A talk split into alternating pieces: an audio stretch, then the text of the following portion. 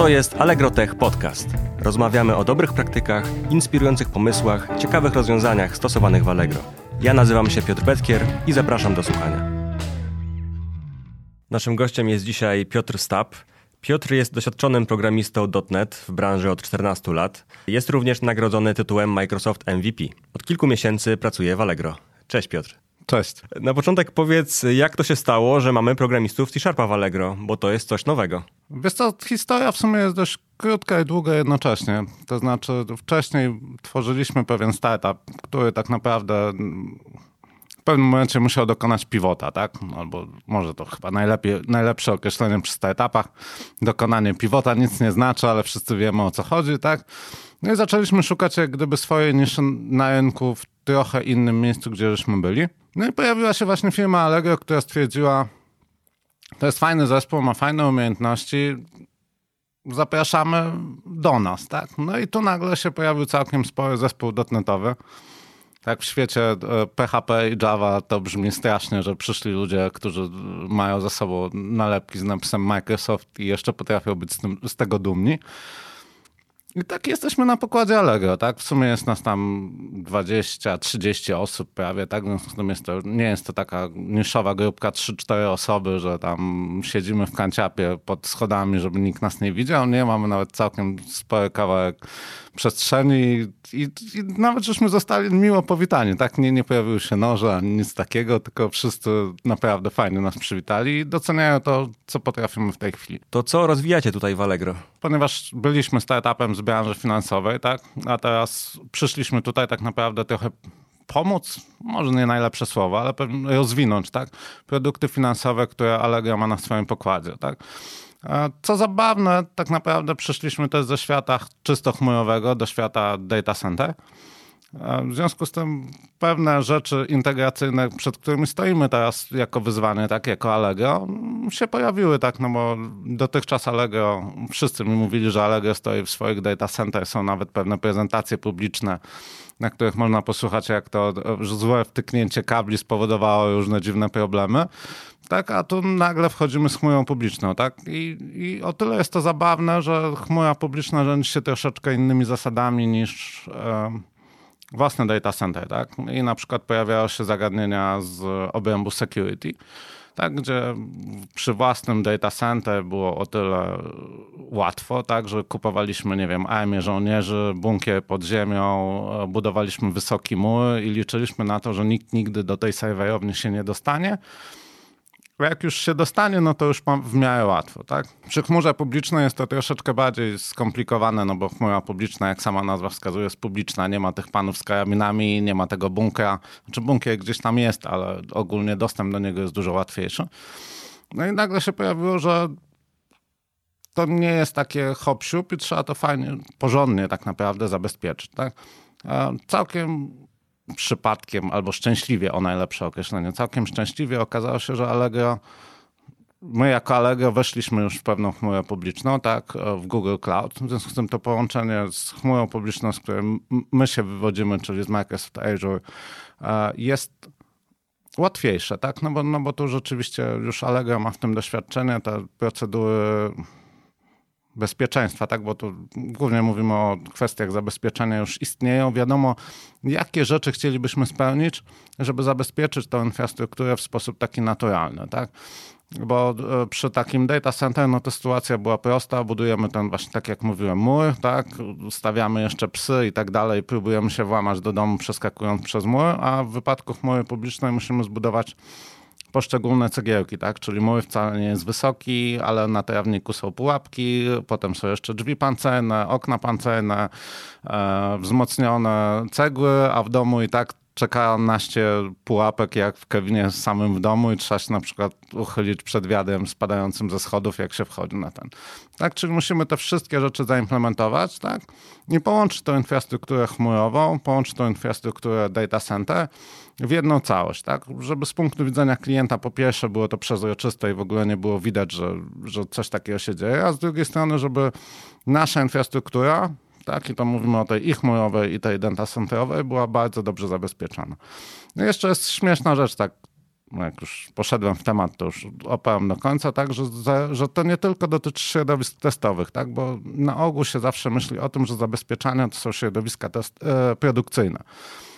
Nie testowe, tylko produkcyjne. Zabezpieczamy zawsze produkcję, tak, ale równie ważne jest zabezpieczenie środowisk testowych, bo tak naprawdę wjazd do infrastruktury tej deweloperskiej, naszej codziennej, no to powoduje duże dużo, że tak się wyrażę, komplikacji. Tak jak znam życie, to tak jak siedzimy jako deweloperzy, to większość z nas ma sudo czy admina na Windowsie, tak? I może wszystko na swoich maszynach. Ma nawet całkiem spore uprawnienia czasami na serwerach, e, w sieci i tak dalej, no bo to są te komputery, wiadomo, wybuchowe, tak? Oni, deweloperzy muszą dużo, żeby móc spokojnie pracować. Przynajmniej taka powszechna opinia.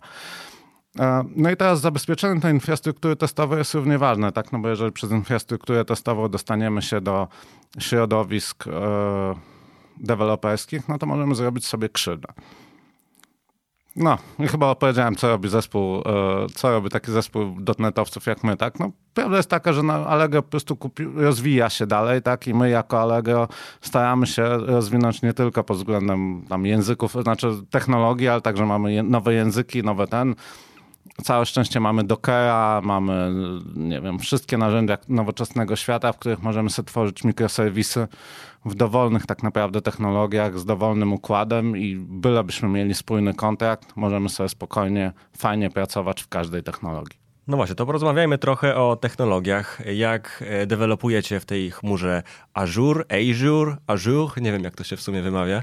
Różne są nazwy, tak, byleby nie było Azure, to, to chyba jest wszystko. To dowcip chodzi teraz, że Azure to się mówi na weselu, a nie, a nie ten, ale, ale dajemy radę, tak? Znaczy, po pierwsze, jedna śmieszna rzecz, tak, e, w Allegro większość osób pracuje na Macach. Tak? Są pojedyncze osoby, które wybierają Windowsa, ale bądźmy szczerzy, jak ktoś może wybrać między Maciem a Windowsem, to większość osób wybiera Maca, bo Mac jest podobno fajniejszy. Mieszane moje uczucia, ale ja sam wybrałem Maca, tak? I rzeczywiście wszyscy deweloperzy dotnetowi u nas siedzą na Macach, co pewnie jest szokujące dla e, większości Windowsowców którzy nas słuchają. Chociaż pewnie nie tylko Windowsowców, tak? Bo Windowsowcy to jeszcze wiedzą, że jest .NET Core i można rzeczywiście dewelopować na, na czymś innym niż, e, niż Windows. Natomiast nie wiem, jak pierwszy raz Javowcy niektórzy usłyszeli, że jak to na Macach siedzicie? Windowsa tam macie? Nie, nie mamy Windowsa. Rzeczywiście kodujemy tylko i wyłącznie na Macach. Wbrew pozorom chmura jest coraz bardziej Linuxowo-okoliczna, tak? Czyli bardziej mi leży Bash niż PowerShell. Pomimo mojej wielkiej miłości do PowerShella, która kiedyś istniała, tak naprawdę jest to otwarte na basza tych narzędzi w shellu jest po prostu cała, cała masa, tak? Więc podsumowując, tak, mamy Maki, chyba że ktoś chce Windowsa, ale chyba nikt nie wybrał nas w zespole Windowsa. E, używamy tej chmury spiętej na twardo w sposób tak naprawdę, znaczy IP-ki w chmurze i IP-ki w, w, infrastrukturze Allegro, nazwijmy to, widzą się nawzajem, w związku z tym ta komunikacja wygląda tak samo jak ze zwykłym data center. Używamy Dockera, no bo to jest ten mechanizm najprostszy w tej chwili możliwy do hostowania wszelakich różnych dziwnych usług. Mamy jeszcze Kubernetesa, który w Allegro jest tak naprawdę nowością, tak? Chyba tak należało powiedzieć, tak? Schodzą słuchy na ile ta migracja ma się, ma się zdarzyć, ma się nie zdarzyć, w jakim okresie, tak? No bo Kubernetes, e, tak może trzy słowa o Kubernetesie, jak już, jak już wszedłem w temat, tak? Czyli platformę, która w tej chwili zaorała rynek e, wdrażania usług, tak, hostowania, tak, jest, jest chyba najbardziej otwartą, tak, no są jakieś te odłamy tak naprawdę typu OpenShift, który jest publiczną wersją Kubernetesa, znaczy publiczną, źle wróć, supportowaną wersją Kubernetesa, tak, ale Kubernetes jest tą, tą platformą taką naprawdę fajnie się rozwijającą, dającą możliwości, duże możliwości wdrożeniowe, tak? Czyli mamy .NET Core, mamy Kubernetesa, mamy chmurę publiczną i mamy jeszcze rzeczy w data center e, allegrowym, takim fizycznym, tak? W tym taki pełny miszmasz mikroserwisowo-okoliczny, tak? Bo z punktu widzenia infrastruktury Allegro powinniśmy funkcjonować jako po prostu kolejny zestaw usług mikroserwisowych. Tak nie chcemy tego robić jako zewnętrzny partner niezależny, tylko po prostu zostaliśmy w pełni jesteśmy Allegro tak naprawdę i funkcjonujemy jako zespół wewnętrzny, tak? Czyli jesteśmy w pełni spięci infrastrukturalnie, w pełni spięci e, mentalnie i tak naprawdę na wszelkie inne sposoby, tak? Nie jesteśmy zewnętrznym partnerem, tak? W świecie javowców, dotnetowcy siedzący z obok i wszyscy szykujący się do ataku, nie jesteśmy po prostu w 100% traktowani jak wewnętrzny. Nie, jesteśmy w zasadzie, nie jesteśmy traktowani, jesteśmy po prostu wewnętrznym zespołem i funkcjonujemy na wszystkich zasadach dobrych, które tu funkcjonują. Zastanawia mnie, jak się dewelopuje w dotnecie. Kiedyś, te wiele lat temu, nie wiem, 10 lat temu, to technologie Microsoftowe były uważane za takie nieatrakcyjne. Teraz Microsoft mocno poszedł w open source i, i y, no można powiedzieć, że przoduje tutaj. Więc y, powiedz, jak to, jak to wygląda z twojej strony? Dożyliśmy ciekawych czasów, tak? kiedy to Java się powoli staje zamknięta, a .NET się rozwinął. E, chociaż nie, chyba tak naprawdę teraz Java się trochę, znowu nazwijmy to, wraca do bycia otwartej, otwartą. Zgadza się? No dokładnie, ostatnio się dynamicznie rozwija, tak. No to dobra, no stary dowcip jest taki, że tak naprawdę w ogóle .NET Core pojawił się e, dlatego, że ludzie w Microsoftie chcieli sobie kupić Maci i móc możli mieć możliwość kodowania na, na Macach. No, to oczywiście jest dowcip, a nie, nieprawda, tak? .NET doszedł do pewnego etapu, w którym nie był możliwy jego dalszy rozwój, tak?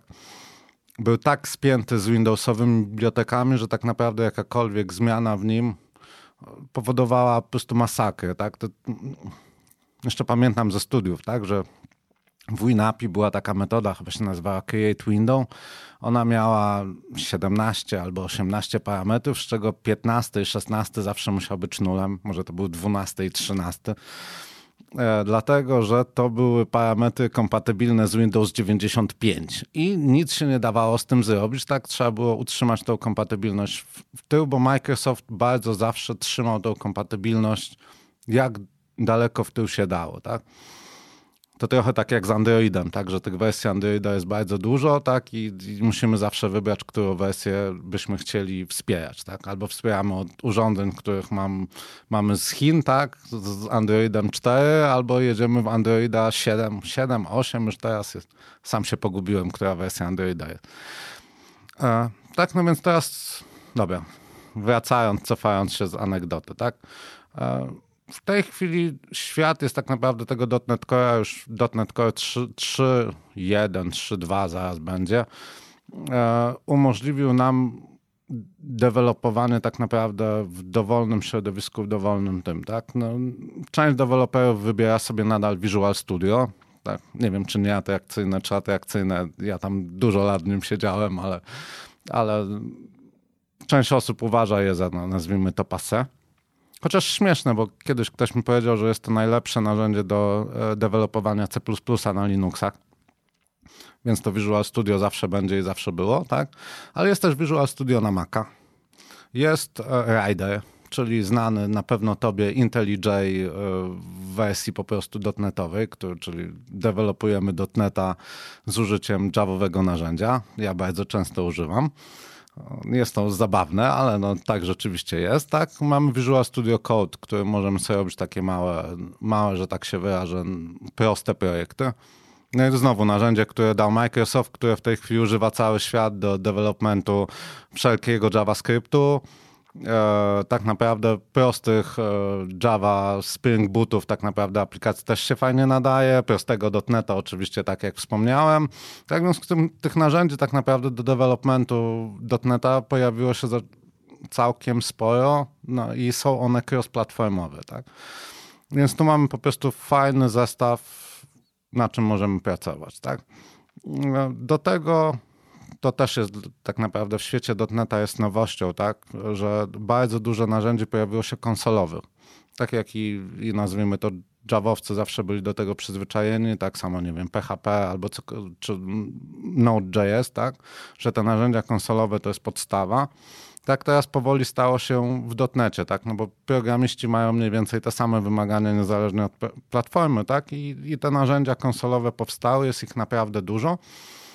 I znowu mogę sobie pracować po prostu na konsolowych narzędziach. Tak jak kiedyś spytałbyś dowolnego dotnetowca, jakie argumenty przyjmuje MS Build, a było ich z 50, tak, żeby sensownie skompilować swoją aplikację. Oczywiście można było napisać MS Build, nazwa solucji i, i zakończyć temat, tak, ale, ale żeby zbudować ją jako release, zbudować, spublikować, zrobić paczkę i tak dalej, i tak dalej, tych argumentów rosło. Natomiast teraz to narzędzie pod tytułem .NET ma jedną wadę, ciężko się googluje, tak, e, działa po prostu super, tak? I, mamy pełne podpowiadanie składni, mamy wszystkie te argumenty proste. .NET New, czyli nowy projekt, .NET Build, .NET Publish i w zasadzie .NET Restore i w zasadzie zamknęliśmy całość potrzebnych narzędzi deweloperskich.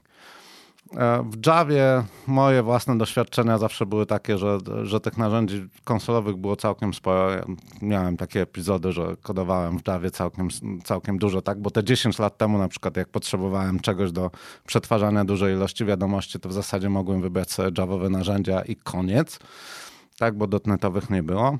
Teraz one się pojawiają i to przestaje być tak, że też to żeśmy mieli do tej pory, tak? Że Javowe narzędzia były portowane na dotneta, tak? Albo Javowe narzędzia umiały wywołać aplikacje stojące w dotnecie. Tak? No, teraz zaczyna się pojawiać takie fajne jakby przenikanie się, tak? Czyli część narzędzi powstaje w Javie i rzeczywiście jest jak gdyby częściowo przenaszana na .NET, ale też część narzędzi zaczyna powstawać w .NETie i jest przenaszana na Java. Tak? Najlepiej to chyba widać na języku, tak? Gdzie pewne, pewne rzeczy typu var, tak?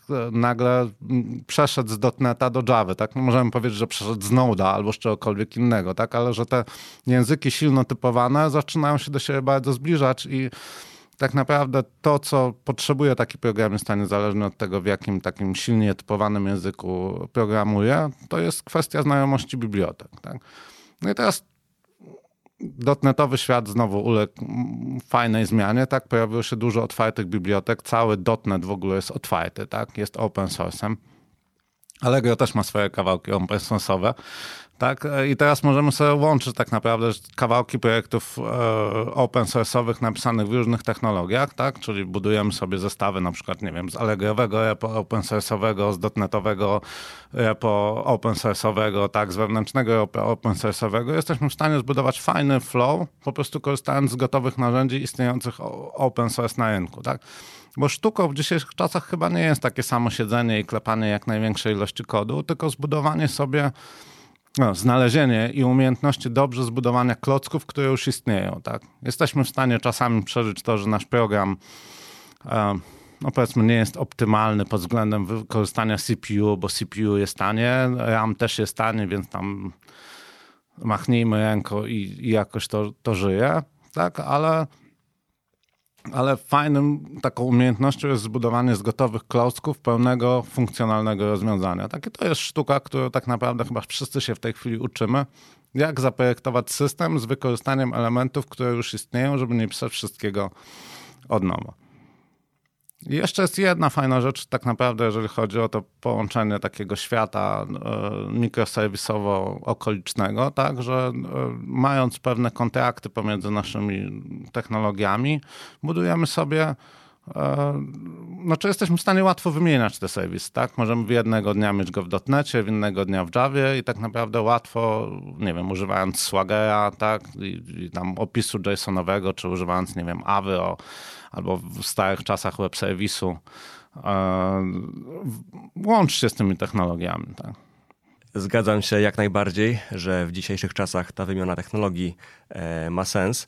E, w świecie Javowym wydaje mi się, że już to robiliśmy, bo mamy na JVM-ie, możemy uruchamiać e, wiele języków, więc do takich projektów nowych, gdzie człowiek chce tak poczuć wiatr we włosach, to można używać e, Kotlina, Skali. Do takich bardziej konserwatywnych, korowych można używać Javy, która jest bardziej powiedzmy wygrzana, tak? I można te, te języki, biblioteki nawet w ramach jednej aplikacji wymieniać, no ale to rzeczywiście... E, w jednej firmie wydaje się, że ma sens, aby również sięgnąć po, po właśnie na przykład dotneta. No fajnie, że wspomniałeś o skali tak naprawdę, tak? bo zaczynamy mieć tak naprawdę świat języków e, funkcyjnych, tak? czyli przestajemy używać programowania obiektowego, a coraz częściej używam funkcyjnego, tak? No i, no i widać to zresztą tutaj, tak? W sensie e, w świecie Javowym jest skala, tak? W świecie dotnetowym jest F-Sharp, I my rzeczywiście używamy F-Sharpa, tak? używamy skali w zespołach, nazwijmy to javowych, tak? Więc tym to się fajnie przenika i pewnie jestem ciekawy, tak, bo, to, bo mówiąc szczerze, programowanie funkcyjne nie jest to, znaczy ja jestem początkującym programistą funkcyjnym. Nie wiem, czy można być początkującym, albo się programuje, albo nie, ale ale nie czuję się jeszcze pewnie e, pisząc wszystkie funkcyjne tak naprawdę części. Natomiast mamy w zespole ludzi, którzy rzeczywiście piszą to i oni czerpią. I tu widać też czerpanie F-Sharpa ze skali i pewnie vice versa też widać. Tak? Zresztą te języki funkcyjne czerpiące wszystkie z Haskella, chyba, chyba on jest tym guru języków funkcyjnych, przeplatają się też całkiem fajnie, nie tylko właśnie w składni tak naprawdę, w składni, w wykorzystaniu rozwiązań. Pracowaliście jako startup, teraz dołączyliście do no, dużej firmy Allegro. Zastanawiam się, jak e, wyglądała ta zmiana, w sensie, czy obserwujecie jakąś różnicę w pracy?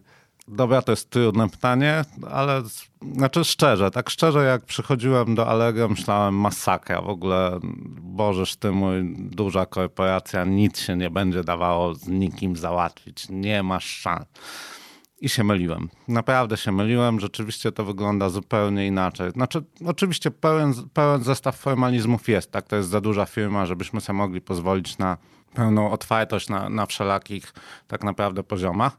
Ale zadziwiająco, przynajmniej jak dla mnie, świeżej osoby, tam, świeżej, no tam z kilkumiesięcznym doświadczeniem, ale no, nadal czuję się jeszcze ciągle jako ta osoba wchodząca, a nie no, dobra, która weszła, o może nie, nie wchodząca, która przed chwilą weszła.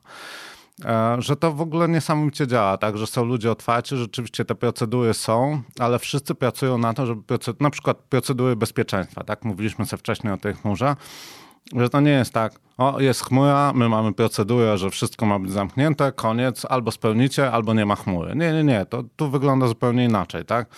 Siedzi zespół ludzi od bezpieczeństwa, siedzi zespół od znajomości aplikacyjnej, tak? I kombinujemy, jak spełnić te wszystkie wymogi bezpieczeństwa, e, żeby to dało się fajnie połączyć, żeby to rzeczywiście funkcjonowało tak, jak powinno w świecie, a nie stawiamy sobie kłody pod nogi. Tak? Większość korporacji, bądźmy szczerzy, piątek, 16, nikogo już nie ma, tak, a tu ludzie, nie mówię, że nie ma work-life balance, tak, ale w momencie, kiedy jest coś, że trzeba odpowiedzieć, tak, to, to czują odpowiedzialność, tak. Zresztą też zacząłem widzieć Agile'a, który tu funkcjonuje, tak, zawsze był mi reklamowany przez wiele lat jako że Allegro jest firmą, gdzie rzeczywiście Agile działa, tak, bo w bardzo wielu firmach, jak słyszałem o Agile'u, to był to taki pseudo-Agile, nie wiem, czy nie, wolę nie wymieniać firm, o których słyszałem albo w których byłem, bo to zaczyna się robić niebezpieczne. Ale to rzeczywiście to działa, tak? rzeczywiście są, zresztą są ludzie z Allegro, tak, mówiący o tym, jak fajnie to funkcjonuje. Rzeczywiście to, to tak funkcjonuje, tak? Że rzeczywiście jest ta zwinność, jest to jak gdyby to wszystkie jej zalety, tak? Czyli, że zmieniamy się, budujemy, sprawdzamy, zmieniamy, budujemy, sprawdzamy, tak? Czyli ten agile bardzo fajnie funkcjonuje. Też nie ma tak naprawdę też plus, tak? Nie ma narzucone, jak, zes- jak każdy zespół pracuje, tak? Możemy sobie wybrać, że ten zespół pracuje tak, ten zespół pracuje troszeczkę inaczej. I to jest naprawdę zadziwiające, tak w sensie kiedyś ktoś mi powiedział tutaj, że Allegro kiedyś też było startupem i bardzo lubi się tym chwalić. Rzeczywiście tak jest, że widać, że Allegro było startupem, tak? Rzeczywiście teraz się rozwinęło do no, jednorostka, chyba należałoby w ten sposób określić, tak? Czyli zewoluowało na tą dużą firmę, która odniosła naprawdę duży sukces, ale te rzeczy, które niesie za sobą startup, są nadal, tak? I, i, I, to widać właśnie w współpracy tej codziennej ludzkiej, jak to funkcjonuje, jak da się wszystko załatwić. Części formalizmów nie przeskoczymy. Wiadomo, ale najważniejsze jest to, że, że te formalizmy dotyczą na ogół tej części organizacyjno-funkcjonalnej, tak, typu, nie wiem, urlopy, zwolnienia i tak dalej, a nie tego, jak w większości firm, że one dotyczą wytwarzania oprogramowania, tak. Otworzanie, wytwarzanie oprogramowania jest tutaj jako priorytet i tak naprawdę wszystkie ułatwienia, jakie za nim idą, są dostępne. I to dla mnie po przejściu ze startupu, mówiąc szczerze, bądźmy szczerzy, tak jak spodziewałem się ograniczeń typu urlopy, tak spodziewałem się ograniczeń w, w wytwarzaniu oprogramowania. Okazało się, że ich nie ma. Rzeczywiście tu jest, powiedziałbym, wolna amerykanka, ale nie pasuje. E, w sensie jest, taki, jest ta swoboda, ale jest po prostu swoboda, fajna swoboda, która umożliwia nam budowanie tych produktów szybko, sprawnie i na temat.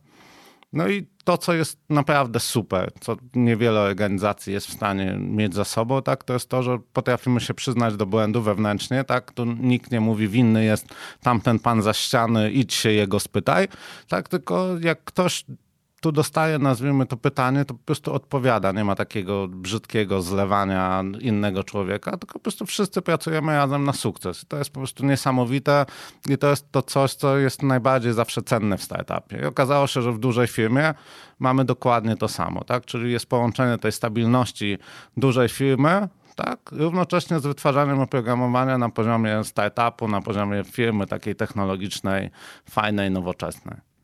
Jesteś nagrodzony tytułem Microsoft MVP. Ja szczerze mówiąc bardziej znam e, tytuł Java Champion nadawany przez Oracla. To powiedz, jak to wygląda od strony Microsoftu? Jak zostaje się MVP? Myślę, że wygląda to dość podobnie, tak? E, zarówno Java Championa dostaje się za pewne osiągnięcia, tak? To są osiągnięcia z różnych tak naprawdę dziedzin, tak? To nie tylko mówimy o, o dziedzinach pod tytułem jakiejś technologii, ale pewnych rodzajach działań, typu open source, typu prelekcje, blogowanie i tak dalej, i tak dalej. Tak? Samo wygląda to w świecie MVP, tak, gdzie my rzeczywiście dostajemy tą nagrodę po pierwsze co roku, tak, w sensie ja jestem Microsoft MVP 3 lata, Teraz jest właśnie proces tak naprawdę odnawiania mojego MVP, czyli Microsoft patrzy na moje osiągnięcia z ostatniego roku i ocenia, czy rzeczywiście to, co zrobiłem, jest fajne, tak? No i swoje działania są, no, część już wymieniłem, tak? Czyli właśnie prelekcje, open source, e, prowadzenie grup, robienie konferencji, meetupy, e, artykuły w pismach tak naprawdę takich branżowych, tak? Czyli wszelka działalność, która istnieje, tak? To można powiedzieć, że na przykład mamy Allegro Tech, tak? Który właśnie część takich działań prowadzi. Tak? I, I, osoby, które występują w Allegro Tech, no, no im to się liczy, bądźmy szczerzy, tak? Przygotowanie takiej prezentacji to jest twój czas własny, twoje spędzenie dodatkowych godzin i tak dalej. I za coś takiego dostaje się nagrodę, tak? Jesteśmy w nagrodę, wyróżnienie, o to chyba tak należy. Bo to nie jest nagroda, to jest wyróżnienie, tak? W sensie, że Microsoft, tak jak się gracza meczu wyróżnia za to, że wykonał świetną robotę. Tak i tutaj jest dokładnie ta sama zasada, tak? Czyli dostaje się dodatkowe wyróżnienie, takie dyplom, ten człowiek działa fajnie i nam się to podoba, tak? E, I tu jest no dokładnie tak jak MVP meczu, tak? On działa fajnie i to się podoba. A jak zostać, bo zadaje się to pytanie, jak zostać MVP? E, działać, tak? Czyli trzeba właśnie prowadzić bloga, trzeba mówić prelekcje, prowadzić warsztaty, przygotowywać open source, łączyć te wszystkie działalności, tak, żeby to było fajne dla społeczności, tak? Bo, bo tu jest tak naprawdę główny cel, tak? Żeby społeczność się rozwijała. I wtedy, jak już bardzo chcesz zostać takim MVP, nie wiem jak to wygląda, mówiąc szczerze, u Java Championów, ale ktoś cię musi zgłosić, tak? Masz się teoretycznie sam zgłosić. Nie wiem, jak jest u Java Championów? Tak, rzeczywiście e, osoby, które już są Java Championami muszą zgłosić. Tomek Nurkiewicz e, mówił o tym w jednym z poprzednich podcastów. No, no to tu jest podobnie, tak? Jest, jest mechanizm zgłoszeniowy, jest mechanizm oceniający, on jest totalnie niejawny tak nie wiadomo na jakiej zasadzie wybieramy nowego e, Microsoft MVP, wybiera to jakaś zamknięta komisja. Pewnie jest tak samo w Java Championach. Nie wiem na ile jest zamknięta. No, ale no okej, okay. no to znaczy tu, tu jest przy wypadku Microsoft MVP ten proces jest zamknięty, nieznany i tak dalej. Zgłaszamy co roku te nasze aktywności, co roku jest odnawiane. Tak jak chce się zostać nowym MVP, no to można teoretycznie się zgłosić samemu ale wiadomo, jak się z samo zgłoszeniem, tak? A z drugiej strony, jak cię nikt nie zgłosi i sam się nie zgłosisz, to nic się nigdy nie stanie, tak? W związku z tym musisz zainicjować jakoś ten proces. No i potem jest proces oceniający, zostajesz albo nie zostajesz. No i co roku, tak, to, to jest ta chyba główna różnica, tak? Co roku jest ten mechanizm odnawiania, natomiast można zostać takim emerytem MVP też, czyli jak już się przestanie być MVP, to jest taki no, always, e, no, e, e, once MVP, always MVP, tak? Czyli rzeczywiście dostajesz tą plakietkę, to się nazywa MVP Connect i można jak gdyby się nią posługiwać już do końca życia. A tyle. A wiążą się z tym jakieś obowiązki, benefity? Czy są obowiązki? Nie, obowiązków nie ma, tak? No bo to jest nagroda za moje e, przeszłe dokonania, tak? Czy za coś, co już zrobiłem. Z tym tu nie mam żadnych obowiązków. Są benefity, Benefity, no na przykład JetBrains daje benefity, tak, tak samo Java Championom daje benefity, zresztą bardzo tak samo wyróżnionym przez Google, AWS i tak dalej, czyli tym znaczącym, tak, czyli dostajemy pewne licencje za darmo, no ja na przykład mam ileś dolarów za darmo na Azurze za to, że jestem Microsoft MVP.